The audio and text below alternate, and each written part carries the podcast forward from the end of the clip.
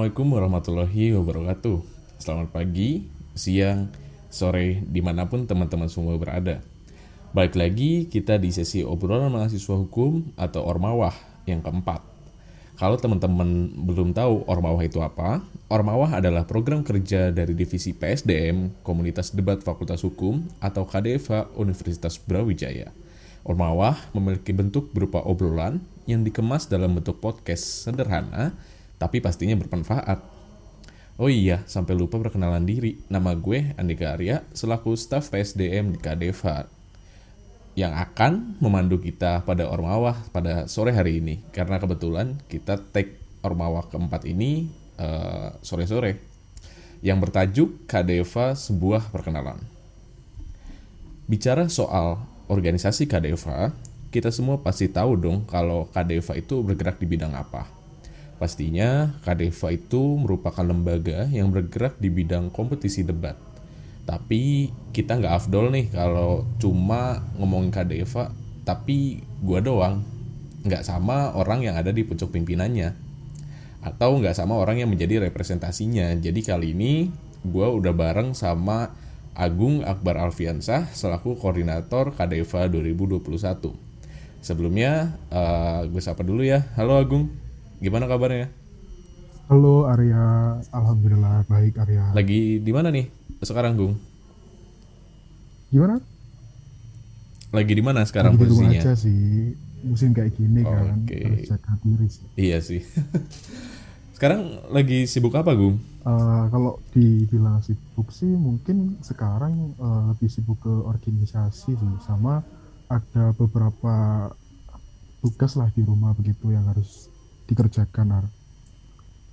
Hmm, jadi liburan gini masih tetap produktif lah ya Harusnya kita. seperti itu. Jadi FYI ini pas kita take Ormawa keempat ini kita lagi dalam masa-masa menunggu ACC dari KRS ya Gung ya. Iya. Kalau kita ini mau masuk ke semester 5 Hmm. lah.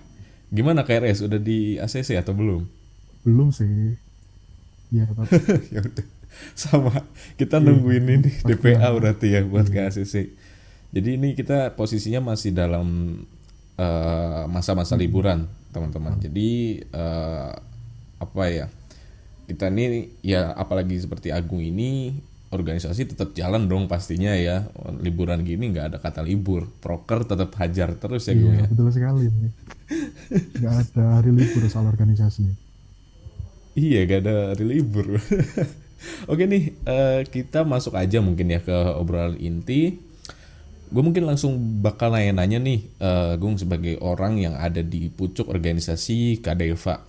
Mungkin ini pertanyaan yang basic sih, tapi eh, gue yakin banyak banget nih dari teman-teman yang mungkin ya bahkan staff Kadeva pun nggak tahu sejarah dari Kadeva, Kadeva itu apa, visi misinya apa, tujuan ke depannya itu apa, itu banyak mungkin yang belum tahu. So jadi mungkin gue akan mulai dengan pertanyaan-pertanyaan basic dulu ya Gung ya. Oke, boleh Ar. Oke, pertama nih, mungkin gue pengen nanya dulu dong tentang sejarah berdirinya Kadeva karena yang gue tahu sih Kadeva ini kan bukan organisasi yang yang lama banget nih, terbilangnya nih masih cukup muda dan baru, tapi eksistensinya di Fakultas Hukum Universitas Brawijaya ini udah cukup lumayan dikenal banyak orang. Ibarat kata tuh mahasiswa mana sih di Fakultas Hukum Universitas Brawijaya yang nggak tahu Kadeva gitu. Nah, mungkin bisa diceritain dikit Gung eh, mengenai sejarah berdirinya Kadeva. Oke, aku ceritain sedikit ya Ar. Jadi, Boleh, boleh. KDFA UB itu berdiri nggak lama-lama banget sih. Kita tuh berdiri di tanggal 12 Januari tahun 2016. Sebelumnya KDFA UB ini eh, termasuk lembaga semi otonom AR. Namun eh, Mm-mm. berdasarkan pencapaiannya ya, berdasarkan pencapaiannya dan mungkin eh, udah kurang relevan sama lembaga otonom sebelumnya. Jadi kita memisahkan diri. Jadi sebelumnya KDFA ini eh, berada dalam naungan dari FKPH, terus memisahkan menjadi lembaga Oh. otonom sendiri begitu ah. Oh, dulunya part part dari FKPH Iya. ya. Mungkin teman-teman di sini juga tahu lah FKPH ini juga sebuah lembaga otonom di FAUB.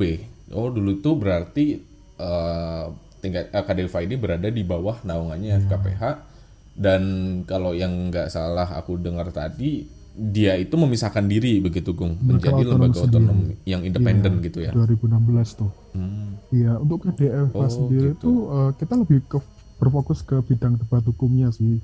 Jadi kan beda dengan kepenulisan di FKPH. Jadi ya kita kegiatan pun eh, berbeda begitu. Jadi ya kita memisahkan diri gitu biar eh, kita lebih bisa Hmm. mengolah KDFH ini arahnya ke mana kayak gitu. Eh, ke arah Oke. membuat kegiatan-kegiatan eh, yang menyelenggarakan pelatihan debat hukum, terus juga eh, menaungi beberapa ini ya mengikuti beberapa perlombaan debat hukum tingkat nasional. Jadi kita lebih bisa terfokus lagi begitu Ar. Hmm, hmm, hmm, hmm, hmm. Oke oke. Jadi lebih apa ya? Sesuai dengan namanya lah komunitas debat gitu ya. Iya. Lebih ke debatnya. Mungkin kalau di FKPH kan lebih fokus kepada penelitian dan juga kepenulisan hukum. Mungkin begitu Iya, ya. betul sekali Ar. Oke, oke, iya iya. Dulu juga gue sempat ini sih, gue sempat dengar bahwa katanya memang eh, dulu nih KDV ini adalah part dari FKPH, kemudian memisahkan diri. Ternyata memang betul ya itu ya, bukan desas-desus saja itu ya.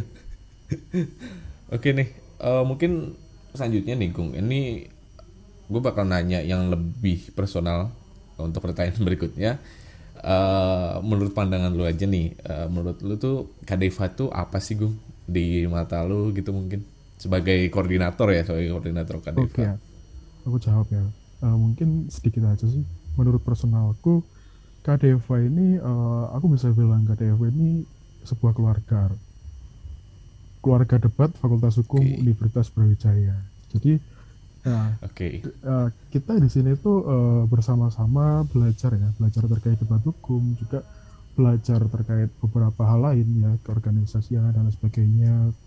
Eh, jadi benar-benar di KDV itu udah aku anggap eh, seperti keluarga sendiri sih. Di mana dari awal Hmm. banget dulu aku masuk, yang mungkin nanti akan aku ceritakan ya di, eh, di akhir nanti, itu eh, aku udah merasa KDV ini benar-benar keluargaku. Aku menemukan keluargaku itu di sini gitu. Mm-mm. oke, Hmm. udah kayak Iya, keluarga iya. lah ya. Emang kenapa ya?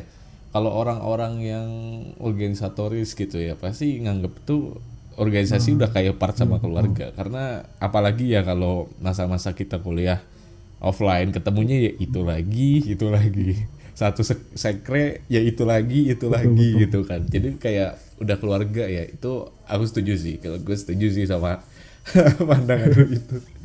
Soal keluarga Nah, berbicara soal tadi kan menurut lu Kak Deva nih sebuah keluarga nih, Gung. Nah, seberapa penting sih Kak Deva buat lu, Gung? eh di Gadeva sendiri itu ya aku merasa di Gadeva ini sangat penting banget sih kayak Gadeva ini kan eh, jadi ba- sebagian dari hidup aku juga gitu Ar. Jadi eh, benar-benar Mhm. banyak yang aku peroleh juga dari Gadeva ini sehingga aku bisa Mhm. berproses hingga saat ini begitu. Jadi mungkin aku bisa bilang eh, kalau misal nggak ada Kadeva mungkin aku nggak bisa seperti ini juga di titik ini kayak gitu. Jadi KDF ini penting banget eh, untuk hidup aku kayak gitu Ar. Oke, berarti eh, lu setuju dong berarti kalau kehidupan berkuliah itu tidak harus selalu melulu Akademik, tentang iya, akademik betul akademik. sekali. Iya. Oke. Oke, bener banget nih eh, apa ya terutama buat teman-teman mungkin yang baru masuk ke dunia perkuliahan terutama untuk teman-teman 2021 mahasiswa baru eh, terutama di Fakultas Hukum Universitas Brawijaya. Eh, penting juga untuk memiliki keaktifan selain di lain eh, apa di luar Eh, akademik ya. ya. Seperti organisasi mungkin ya seperti yang Kak Agung ini ikuti gitu mungkin buat teman-teman 2021 Oke, nih Gung, eh, gue mau nanya juga nih, kan lu itu sebagai koordinator Kadeva terpilih mulai dari Musang tahun 2019 ya, di awal 2020 dulu ya, Iya betul. sampai dengan eh, akhir tahun ini nanti tahun 2021 lah ibarat kita bilang gitu. Nah, semenjak awal dilantik, lu punya visi apa sih yang mau lu bawa untuk KDEVA yang tentunya pasti kita semua tahu eh, setiap kepengurusan pasti menginginkan versi kepemimpinan yang jauh lebih baik Iya, dari sebelum-sebelumnya. Nah, Gue pengen tahu nih visi apa sih yang pengen lu bawa itu untuk organisasi KDFA ini? Oh, untuk visi yang aku bawa bersama teman-teman badan pengurus itu kita pengen mewujudkan KDFA ini sebagai lembaga otonom yang uh, dapat mewadahi minat dan bakat mahasiswa Fakultas Hukum Universitas Brawijaya baik uh, di dalam hal keorganisasiannya maupun dalam debat hukum. Nah, jadi uh, dari visi yang kita angkat tuh kita benar-benar uh, pengen teman-teman ya yang uh, join di KDFA berproses di KDFA itu uh, selain ya mungkin belajar ya belajar di debat hukum hmm. uh, itu kita juga perhatikan di sisi keorganisasiannya gitu jadi benar-benar dapat banget okay. sih kalau misal uh, berproses di KDFA teman-teman bakal bisa peroleh uh, di sisi organisasinya juga di prestasinya begitu. Oke. Okay Oke oke. Yang terpenting tuh memberikan wadah untuk ya, berproses lah ya buat teman-teman karena mungkin banyak juga nih mungkin ini ceritaku dulu ya gue ya. Dulu tuh kayak bingung gitu mau join apa begitu masuk kampus kan. Apalagi kita dulu zaman-zamannya offline itu kan kayak aduh suasana PK2 maba belum beres kuliah udah dimulai yeah. terus ini organisasi banyak yang nawarin gini-gini aduh pusing yeah. gitu kan nah mungkin buat teman-teman uh, nanti yang baru masuk ke Fakultas Hukum Universitas Brawijaya, KDFA ini bisa menjadi salah satu pilihan teman-teman iya, terutama ya Bung ya.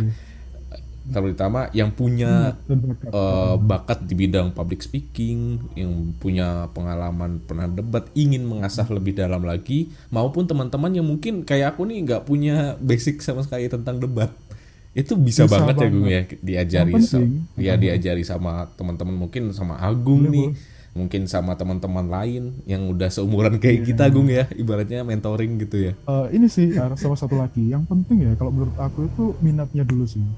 Nah hmm, iya iya. Sepakat itu. kita punya minat uh, ya mungkin beberapa orang masuk ke Deva itu ada yang benar-benar aku pengen lomba.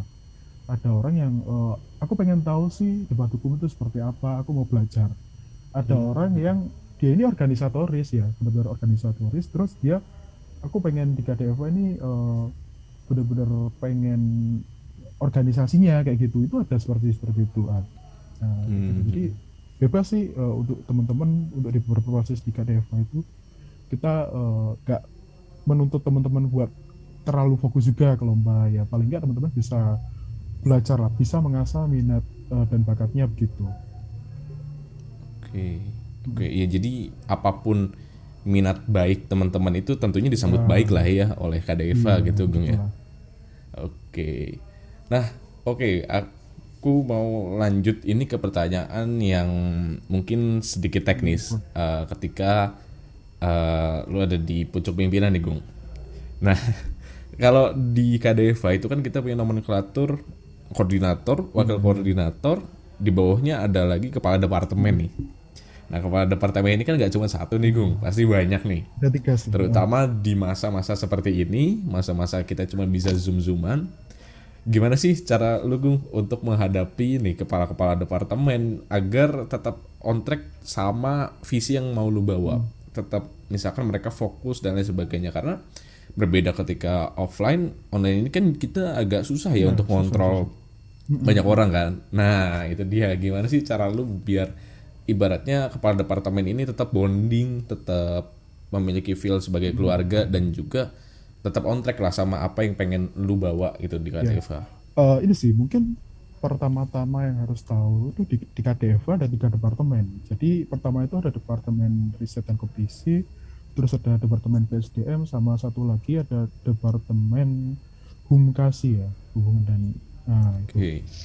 Nah jadi uh, di KDEVA pun banyak uh, proker-proker yang jalannya itu hampir beriringan. Jadi beberapa itu ada yang tabrakan dan lain sebagainya karena uh, banyaknya proker ya, banyaknya proker dan berbagai uh, acara yang dilakukan oleh KDEVA ini yang diadakan oleh KDEVA itu uh, kita harus benar-benar jaga nih biar kepala departemennya itu tetap on track Nah, kepala departemen itu nggak ada yang hilang-hilangan. Nah, bagaimana caranya itu melalui kalau misal online kayak gini kita melalui grup sih. Jadi kita ada grup sendiri namanya BPI. Nah, di situ kita benar-benar kontrol, kontrol secara penuh uh, para kepala departemen. Jadi uh, benar-benar hampir setiap hari itu uh, kita cross check lah di beberapa permasalahan yang ada di Oke. setiap kepala departemen itu kita eh, tetap cross check terus di, juga di beberapa departemen eh, kalau misal di waktu yang bersamaan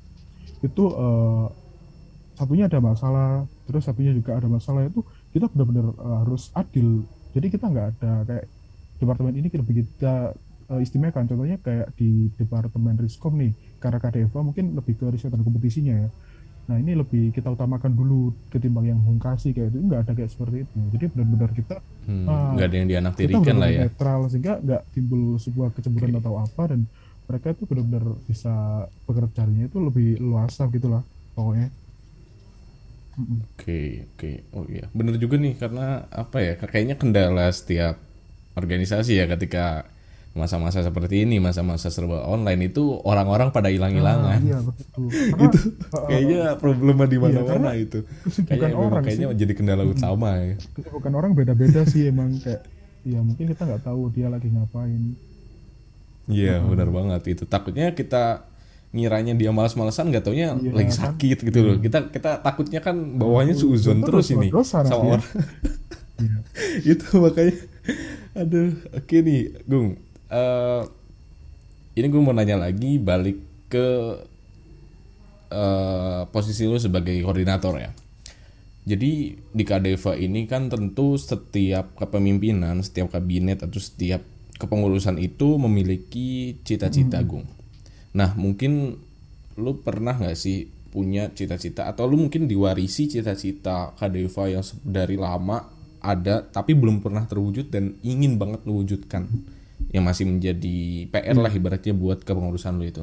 Ada Eh, sih? ada sih. Ya, mungkin terkait cita-cita dulu sih ya. Eh, komunitas debat mana sih yang nggak punya cita-cita eh, komunitasnya ini bisa selalu ya selalu konsisten menjuarai paling nggak menjadi inilah apa namanya runner up di setiap ajang lomba debat nasional yang ada begitu. Itu adalah setiap cita-cita dari eh, komunitas debat yang ada di Indonesia ya. Nah, namun kalau Hmm. menurut aku pribadi, nah untuk cita-cita yang lebih aku utamakan itu lebih ke untuk cita-cita yang lebih aku harapkan ya. Nah itu aku pengennya teman-teman di KDFA, anggota-anggota di KDFA ini semuanya bisa berproses secara maksimal sehingga teman-teman ini benar-benar bisa terjun di dunia debat hukum. Nah, jadi teman-teman yang terjun di dunia debat hukum pun itu nantinya kita bakal eh, optimalkan di setiap lomba. Jadi di situlah nanti eh, prestasi-prestasi itu bisa terukir gitu. Jadi yang pokoknya ya, pokoknya tuh cita-citaku lebih ke seluruh anggota itu bisa debat setelah gitu. Jadi benar-benar kita tujukan ke situ sih, Art. Untuk. PR-nya ya. Ya Berarti- tadi mungkin kamu tanya PR juga Oke, kan. oke. Nah, Eh, untuk yang jadi PR ini itu yang un- mungkin menjadi masalah juga di sebelum-sebelumnya. Itu adalah terkait regenerasi, Art. Nah, jadi eh, Oke. yang mungkin jadi PR itu ke depannya gimana KDFA ini bisa konsisten seperti ini. Nah, mungkin di sekarang alhamdulillah di beberapa program kerja itu udah mulai berjalan dengan maksimal dan banyak sekali program kerja yang kita adakan begitu ya. Nah, itu gimana cara menjaga ini? Nah, terus juga eh, di beberapa prestasi eh, di beberapa ajang lomba itu paling tidak kita juga harus mempertahankan dan justru eh, harus bisa untuk eh, lebih meningkatkan lagi begitu. Itu sih yang sulit dijaga. Jadi benar-benar PR-nya itu di selanjutnya itu pasti seperti itu gitu. Gimana cara jagain konsistensi biar nggak putus di sini begitu. Itu sih mungkin. Oke, oke sepakat sih soal regenerasi ya. Kayaknya ini memang PR setiap organisasi nggak sih, Gung? Maksudku kayak saat ini kepengurusan kita nih oke, bagus dan sebagainya. Tapi belum tentu nih tahun depan kita punya orang yang akan melanjutkan tonggak kepengurusan kita Iya. juga ke depannya gitu loh kayak eh apa ya? Tapi aku percaya sih, Gung. Maksudku gini ya. eh setiap kepengurusan setiap kepemimpinan yang baik itu kan pasti juga akan melahirkan pemimpin yang baik selanjutnya gitu Gung. Aku pasti yakin nanti suatu saat ada lah orang-orang yang kiranya bisa melanjutkan kepengurusan kita kita ini mungkin nih ada BPH BPH PSDM, BPH Riskom, BPH BPH-nya Humkasi.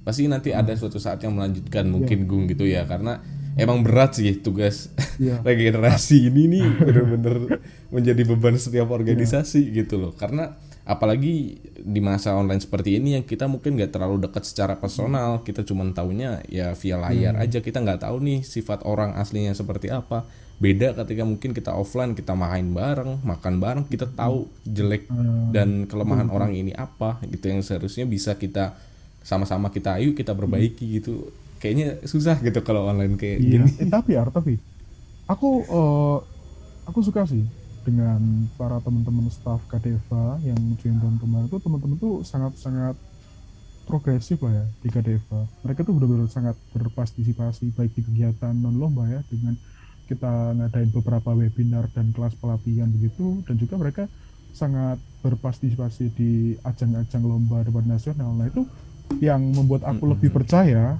eh, untuk regenerasi tahun depan tuh kita bisa lebih baik eh, dari sekarang begitu itu sih. Iya, iya. Karena sebenarnya gini sih Gung ya. Eh, karena memang normal sih maksudku di tahun ini kita nggak terlalu banyak fokus ke kompetisi debat. Karena memang ya seperti yang kita tahu kompetisi-kompetisi hukum di Indonesia pada tahun ini aja memang nggak semua itu bisa terlaksana dan nggak banyak nggak sebanyak ketika offline. Itu eh, mak- maksudku nggak sebanyak ketika kita kita ini masih offline. Karena pertama tentu mungkin mereka-mereka yang penyelenggara itu kan nggak punya terlalu banyak dana mungkinnya untuk menyelenggarakan kompetisi lagi. Sehingga dengan kata lain eh, kompetisi-kompetisi debat di tahun ini tuh terpaksa harus banyak yang ditunda atau malah dibatalkan. Begitu. Makanya jadi jarang mungkin ada lomba-lomba debat meskipun tetap ada tapi lebih jarang frekuensinya. Dan sekarang menurutku ya mungkin cara-cara untuk teman-teman ini eh, mengalihkan program kerjanya ke webinar berupa pelatihan, kelas debat lain sebagainya, menurutku itu ide yang inovatif untuk bagaimana caranya kita tetap melakukan program kerja secara produktif, tapi tetap bisa kita jalankan selama pandemi gitu loh, Gung. Itu itu aku sepakat sih kalau itu. Ya, Oke, kemudian ini nih Gung, Eh, tadi kan kita udah bicara soal cita-cita besar yang kita tahu. Semua tadi bukan hanya ini Gung ya, bukan hanya eh, bisa menjadi runner up di kompetisi debat, bukan hanya menjadi juara di kompetisi debat, tapi bagaimana caranya mewadahi teman-teman semua yang ingin berproses apa pun minatnya itu agar mendapatkan sedikit tidaknya itu pengalaman mengenai berdebat dan lain sebagainya gitu lagi Gung. Nah, oke. Sekarang gue mau nanya lagi yang kembali ke personal nih. Susah apa enggak sih mimpin KDEVA ini? Ini kan yang ini seperti yang kita tahu ya, KDEVA itu kan statusnya sudah bukan lembaga semi otonom, tapi lembaga otonom yang independen, berdiri resmi di bawah kaki sendiri, punya ADART sendiri dan diakui oleh kemahasiswaan tentunya. Kan ini sebuah hal yang besar gitu loh. Nah, susah apa enggak sih Gung untuk menjalankan KDEVA ini? Terutama di tahun-tahun seperti ini ya yang tentunya berat ini nih. online-online seperti ini ini Ya, berat. betul sekali Ar. Jadi eh, memang memimpin sebuah organisasi di online sama offline tuh bener-bener kayaknya beda banget begitu. Jadi kita juga perlu beradaptasi juga kan ya dari mungkin kita eh, kemarin sempat dapat harapan buat ngelaksanain sebuah hybrid gitu aku lihat hybrid terus ternyata eh, jadi Mm-mm. luring luring gitu jadi memang ada beberapa tantangan tapi ya itu kembali lagi ke pribadi kita masing-masing. Nah jadi aku di sini dan teman-teman pengurus itu benar-benar eh, menata bagaimana biar kita nggak susah dalam menjalankan organisasi KDF ini. Jadi gimana caranya kita eh, konsisten ya bisa dibilang lebih konsisten lagi buat eh, menjalankan proker tuh benar-benar runtut nah jadi eh, teman-teman ini nggak ada yang keberatan contohnya di sebelum waktu pengajuan proposal dan lain sebagainya itu teman-teman udah sangat menyiapkan dengan matang. Jadi nggak ada yang benar-benar keteteran sampai eh, ini ditolak sama kemahasiswaan atau apa itu kita nggak sampai ada kayak gitu. Jadi eh, kita benar-benar menjaga hal-hal seperti itu biar teman-teman ini nggak terlalu kesusahan. Dan juga kita selalu ada rapat rutin bahkan di saat libur pun kita tetap rapat rutinnya tuh satu minggu sekali ya pengurus. Oke. Jadi oke. eh, aku sering sekali sama teman-teman pengurus ini teman-teman bisa diajak bekerja sama untuk memajukan KDFA ini eh, tanpa banyak mengeluh gitu ya. Jadi teman-teman ini benar-benar berkorban untuk KDFA, mengorbankan hari liburnya dan lain sebagainya. Jadi eh, menurut kami ya itu eh, untuk memimpin jalannya roda keorganisasian sendiri KDFA selama kita bisa memanajemennya dengan baik eh, seperti ya, alhamdulillah kemarin di tengah semester kita berhasil gitu ya bisa dibilang berhasil eh, itu nggak susah sih kalau menurut aku ya Oke. Oke. Berarti masih bisa ini ya, masih bisa handle lah. Proker-proker apa di masa-masa online kayak gini masih bisa Iya. kepegang lah ibaratnya sama Iya. Kadifa ya. ya alhamdulillah sih karena Oke. juga eh, staffnya tuh sangat memiliki antusias tinggi ya dalam eh, melaksanakan dalam eh, menjadi bisa dibilang peng- ini ya apa namanya pelaksana dari setiap proker ya. Jadi teman-teman staff tuh sangat Mhm. bekerja keras juga dalam eh, mengerjakan proker-prokernya jadi benar-benar nggak ada yang kata susah gitu nggak ada. Mungkin ada beberapa hal eksternal yang kita nggak bisa menduga ya terkait mitra dan lain sebagainya. Namun semua itu bisa diatasi pasti selama kita benar-benar bisa manajemen Oke. dengan baik gitu loh Nah, ini nih Gung. Kemudian eh, kita balik ke pertanyaan yang lebih teknis lagi mengenai kepengurusan. Jadi eh, seperti yang kita tahu, kita kan atau terutama lu ya, itu kan sudah berjalan di KDFA ini di tahun 2020 ini sudah berapa bulan ini Gung ya? Udah lumayan lama kan? Nah, selama memimpin KDFA nih, selama berada di KDFA, kendala apa sih yang paling lu rasain gitu? Eh, bareng mungkin bareng para teman-teman BPH dan BPI mungkin apa sih? Itu mungkin bisa diceritain nggak? Ah, ah. Ya sih eh, dengan berjalannya waktu ya dari awal tahun kemarin tuh eh, ya mungkin ada beberapa kendala tapi kita lebih suka menyebutnya tuh eh, sebagai struggle ya. Jadi bener-bener eh, banyak sesuatu hal tuh yang muncul secara tiba-tiba tanpa kita eh, ketahui kita tanpa kita bisa prediksi begitu ya. Jadi emang tantangannya berorganisasi itu di situ. Nah, jadi eh, beberapa permasalahan terkait mitra, terkait eh, beberapa program kerja yang mengundang pemateri, terus juga di beberapa perlombaan itu eh, banyak eh, sesuatu hal yang kita tiba-tiba nggak bisa tebak. eh, tiba masalah itu muncul secara tiba-tiba dan saat itu juga eh, sebagai pemimpin ya, sebagai eh, suatu orang yang bertanggung jawab penuh. Jadi aku sama wakil koordinator, sama wakil koordinator tuh benar-benar kita bagaimana eh, memunculkan sebuah solusi di saat itu juga. Jadi di saat teman-teman baik staff, manajer atau kepala departemen mempunyai sebuah eh, masalah nih ya di setiap eh, mungkin di program kerja non lomba atau di lombanya kita harus bagaimana caranya menyikapi di saat itu juga sehingga eh, teman-teman ini eh, nggak kesusahan gitu. Jadi pintar-pintarnya kita dalam eh, menimbang sesuatu hal eh, baik buruknya eh, rugi nggak kalau misal kita gini kayak gitu itu eh, tantangannya di situ sih Ar selama ini ya. Jadi gimana caranya biar lebih pelaksanaan program kerjanya itu biar lebih optimal tuh ya di situ. Jadi Oke. eh, eh, kayak gitulah. Oke, nah ini mungkin ini kita sebenarnya dari tadi tuh pertanyaannya agak acak ya, ada yang personal, ada yang eh, pendapat pribadi, ada yang gimana, nggak apa-apa lah ya. Nah ini kita balik lagi Nggak apa-apa, soalnya nggak itu pendapat lagi pribadi nih. Nah, Eh, eh, eh, dia apa, Bar? nah mungkin selama berada di KDV ini ya karena aku kan atau gue kan ini ya gue ya baru tahun ini nih berada di KDV. Mungkin lu udah pernah ngerasain Iya, KDV offline dan lain sebagainya gitu kan. Iya. Nah, betul. momen apa sih Gung yang paling lu inget gitu selama berada di KDV? Mungkin dari zaman awal masuk sampai dengan saat ini gitu. Mm. Eh, ya sih ada momen-momen di saat awal masuk banget sih Ar. Waktu itu pas ya kita kan tahu sendiri waktu 2019 lalu kita sebagai mahasiswa baru eh, kita pasti mempunyai sebuah kebingungan nih kita mau Hmm, berproses di hmm, mana nih di Fakultas Hukum. Nah terus ya memang di situlah aku tahu ada sebuah lembaga otonom yang namanya KDFA dan aku lihat uh, prestasinya banyak banget. Nah, aku kayaknya sebagai uh, calon yuris ya, bener-bener kayaknya cocok nih untuk berproses di sini Hmm. begitu. Nah, terus aku mengikuti skala rangkaiannya, oprek begitu. Terus aku uh, seneng banget.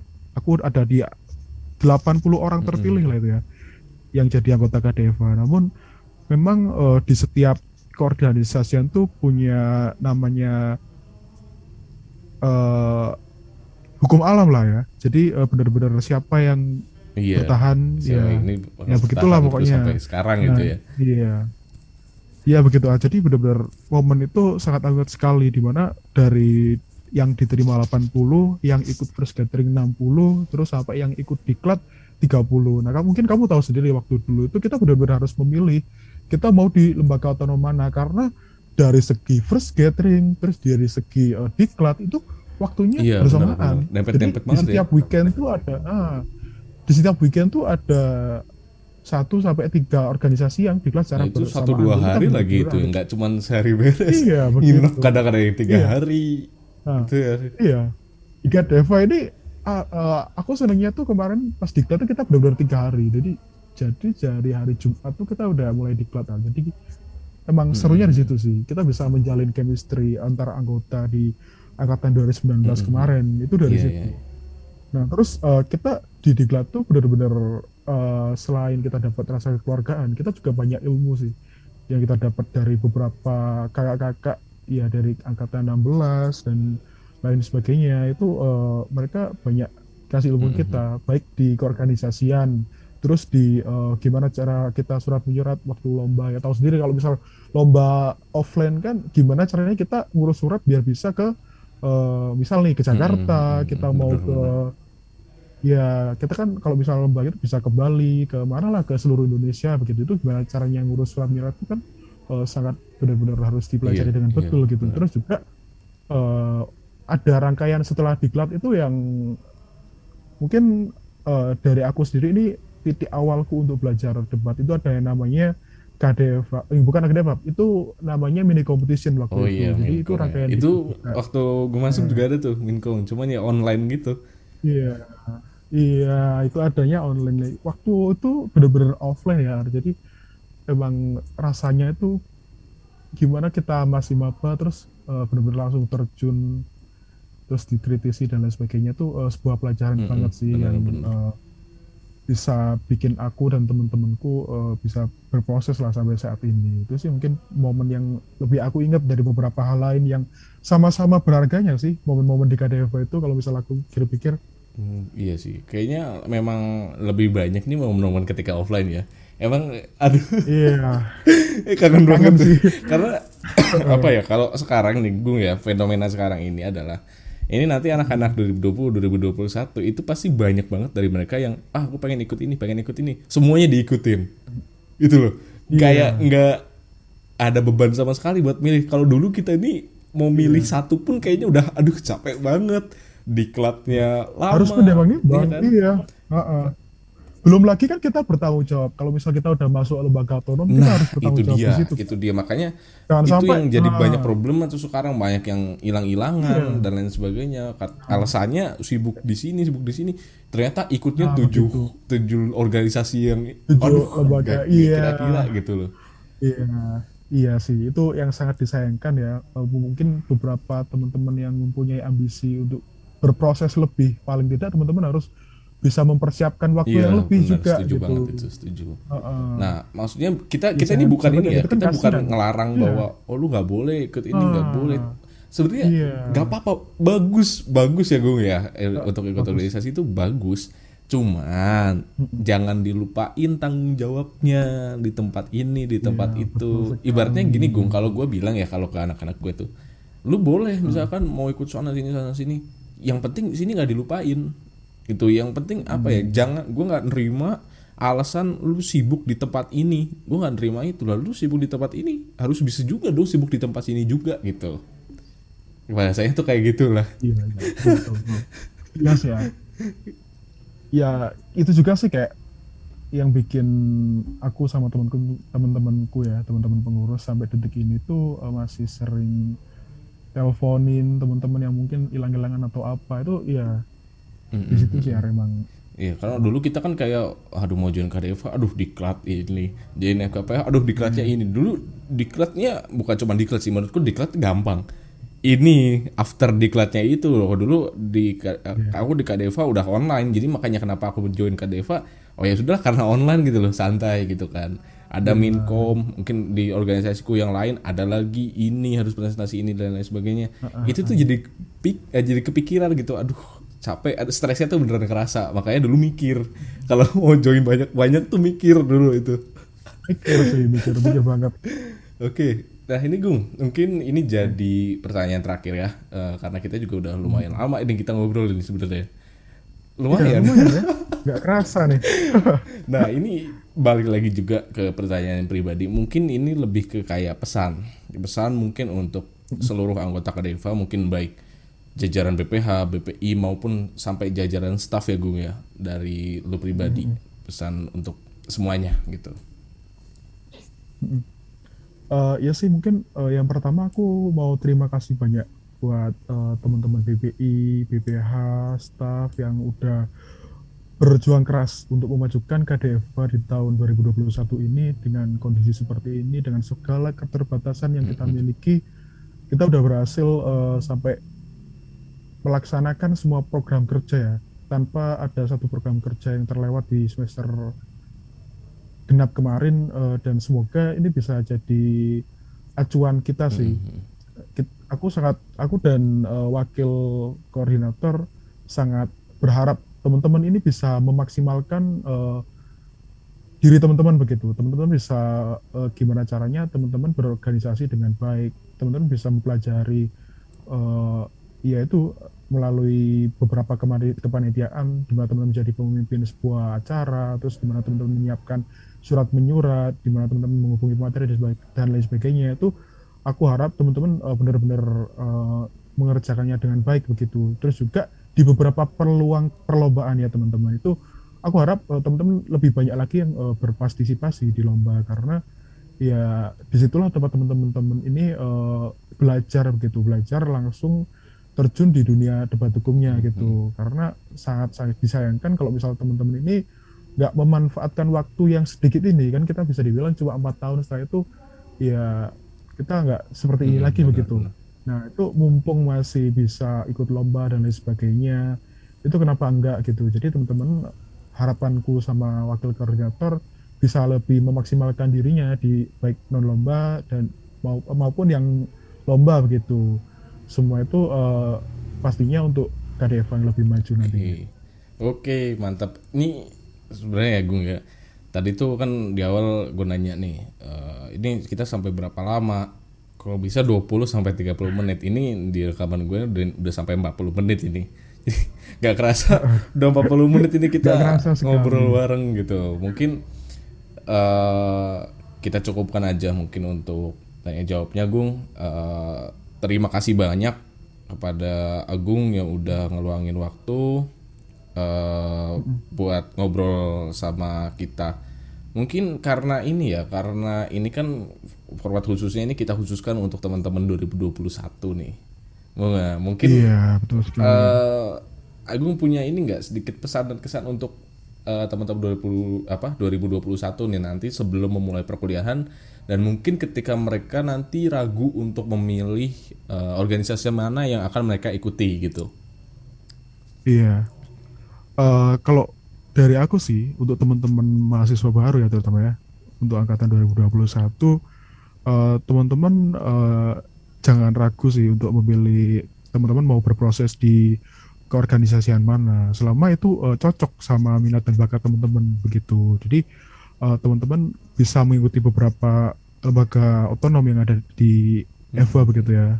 Dan lupa juga kalau misal teman-teman ada minat dan bakat nih di bidang debat hukum karena uh, debat hukum ini juga salah satu hal yang mempengaruhi gimana kita uh, bekerja nantinya begitu karena di sini pun uh, kita banyak banget dapat ilmu aku rasa karena juga selain kita berdebat ya sebelum berdebat itu kita benar-benar di mana kita meriset mosi sedemikian rupa, eh, sedetail mungkin, sedetail mungkin uh, sampai uh, kita menemukan segala titik cerahnya hmm. begitu. Jadi di berbagai permasalahan, di berbagai permasalahan kita bisa tahu nih sisi baik buruknya, kita bisa tahu uh, kekurangan, terus kelebihan dari uh, masalah ini tuh kayak gimana sih uh, efeknya ke hmm. orang ini kayak gimana, ke bagian ini kayak gimana. Itu kita harus benar-benar menimbangkan. Jadi kita nggak bisa merespon suatu permasalahan hukum dengan oh ini menurut pandangan ini seperti ini itu nggak bisa seperti itu karena banyak pandangan-pandangan lain yang uh, berbeda dan itu bisa kita kajinya di sini begitu. Itu sih mungkin beberapa hal yang bisa aku ceritakan sedikit di terkait KDFA. Mungkin nanti bakal aku jelaskan lagi di uh, lain kesempatan. Pokoknya uh, tetap semangat terus teman-teman mahasiswa baru ya angkatan 2021. Semangat berproses di Fakultas Hukum Universitas Brawijaya. Oke, mantap banget ya buat teman-teman mungkin ya uh, teman-teman 2021 yang mendengarkan Ormawah ini uh, bukan suatu kesalahan kalau misalkan teman-teman mencoba untuk mencari jati diri teman-teman dari awal mungkin sebelum apa itu namanya uh, sebelum memulai perkuliahan itu ada baiknya juga kita mengenali dulu nih organisasi-organisasi uh, apa yang kiranya hmm. nanti yeah. Iya. uh, cocok nih dengan minat dan bakat kita gitu yeah. ya Gung ya juga jangan iya, malu-malu yeah, untuk bertanya uh, itu loh Iya. Iya sih, itu. Yang penting itu itu sih. Jangan sampai tiba-tiba uh, di awal tahun udah join organisasi ini Salah gitu ya. selama proses oh aku kayaknya kemarin sayang deh kenapa aku nggak yeah, ambil organisasi banget. ini? Ntar malah takutnya berhenti nah, tengah waktu, jalan kan iya. ngilang aduh iya, nggak nggak kan. bagus juga gitu uh, loh ya iya. Dan juga jangan terlalu ikut-ikutan teman sih kayak temanku join ini ah aku join ini juga nggak gitu. Karena yang namanya temen kan ya kita kan bisa berubah sewaktu-waktu juga. Jadi kita benar-benar harus gimana kita milih untuk diri kita yang terbaik gitu. Oke bener banget tuh. Karena beda kepala pasti beda minat bakat pemikiran dan lain sebagainya itu pasti beda ya iya. Gak bisa kita ikut-ikutan nggak bisa dipaksakan iya iya bener banget Oh ya Ar, ada satu informasi penting lagi nih yang mungkin teman-teman perlu tahu. Jadi, untuk mengikuti lembaga otonomi yang ada di Fakultas Hukum Universitas Brawijaya, teman-teman nih haruslah terlebih dahulu lulus PK2 MAPA. Jadi, teman-teman benar-benar harus mengikuti seluruh rangkaiannya sehingga bisa dinyatakan lulus PK2 MAPA. Setelah itu barulah teman-teman e, memenuhi syarat untuk e, mendaftarkan diri kepada lembaga otonom begitu. Oke nih uh, tadi kita semua udah mendengarkan ya penjelasan dari Agung juga mendengarkan pesan dan kesan dari Agung selaku koordinator KDEVA 2021. Tentunya sekali hmm. lagi terima kasih banyak buat Agung udah nyempetin waktu nih buat ngobrol bareng sama teman-teman pendengar Ormawah. Juga pesan nih ya Agung ya buat teman-teman staffnya jangan lupa diwajibin denger. karena ini aku janji kualitas kualitas audionya pasti bagus ini bagus tenang aja pasti seneng kalau denger ya oke mungkin okay. ini nih sebelum kita uh, akhiri sebelum kita tutup ini Agung pengen nyel-nyel katanya pengen jargon okay.